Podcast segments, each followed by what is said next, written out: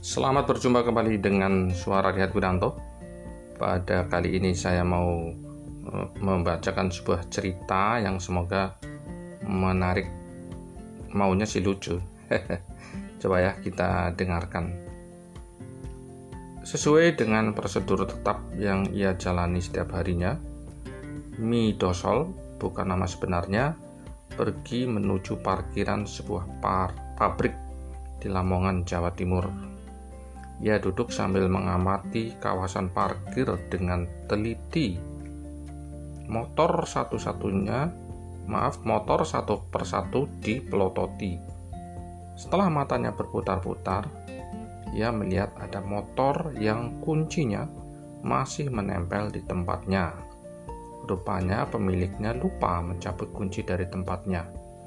Midosol terpanggil jiwanya untuk menjalankan tugas yang sudah dijalani bertahun-tahun. Ia segera mendekati motor yang berjejer di parkiran. Midosol segera mengambil kunci itu, tapi Midosol bukan cuma mengambil kunci, ia juga mengambil motornya sekaligus. Rupanya dia bukan tukang parkir di situ. Setelah didorong menjauhi parkir, ia starter motor. Eng, ieng, Midosol kabur membawa motor tadi. Ia menjalankan tugasnya sesuai prosedur tetap yang ia jalani sehari-hari.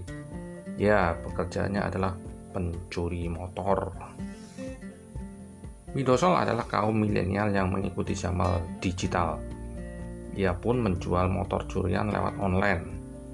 Sudah beberapa motor dijual lewat online dan berhasil. Kiat bisnisnya selama ini cukup berhasil strateginya adalah menjual dengan harga murah dan motornya memang oke okay banget. Dia juga hafal motor merek apa yang laku dan mana saja yang tidak. Nah, kali ini Midosol sudah memampangkan motor di medsos. Rupanya lancar-lancar saja. Ada calon pembeli yang kontak dan serius ingin membeli motor tersebut seperti biasanya Midosol janjian bertemu di suatu tempat. Ia sudah patok motor yang mau dijual dengan harga 7,9 juta. Pembelinya bernama Remiva, namanya disamarkan ya. Midosol pun membawa motor ke lokasi pertemuan. Remiva menepati janji bertemu Midosol dan siap seri, siap serah terima uang dengan motor. Tapi tak lama kemudian muncul pemuda kekar langsung menelikung Midosol. Ada pria lain merebut motor dari Midosol. Wow, ternyata pria yang muncul dari persembahan itu adalah polisi. Ya, Midosol apes. Rupanya ia ditangkap polisi. Ternyata calon pembeli Remeva itu adalah pemilik motor yang ia curi. Remiva kaget motornya dijual di medsos.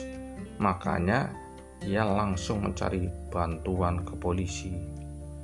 Jadi, ini kata polisi nah, motor tersebut oleh pelaku dijual secara online melalui info jual beli motor yang ada di Facebook dan ternyata postingan itu diketahui oleh korban yang kemudian mengajak chatting pribadi dengan berpura-pura hendak membeli motor tersebut Hal ini dikatakan Kanit Reskrim Polsek Wuringin Nanom Aibda Dwi Rahmanto yang dimuat di Kompas beberapa waktu yang lalu ya bulan Desember ini 2019 Midosol juga mengaku telah beberapa kali menjual motor curian secara daring tanpa dicurigai pembelinya.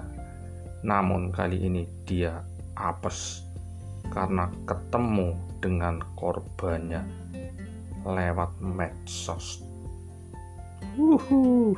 Demikianlah ceritanya. Semoga berkesan.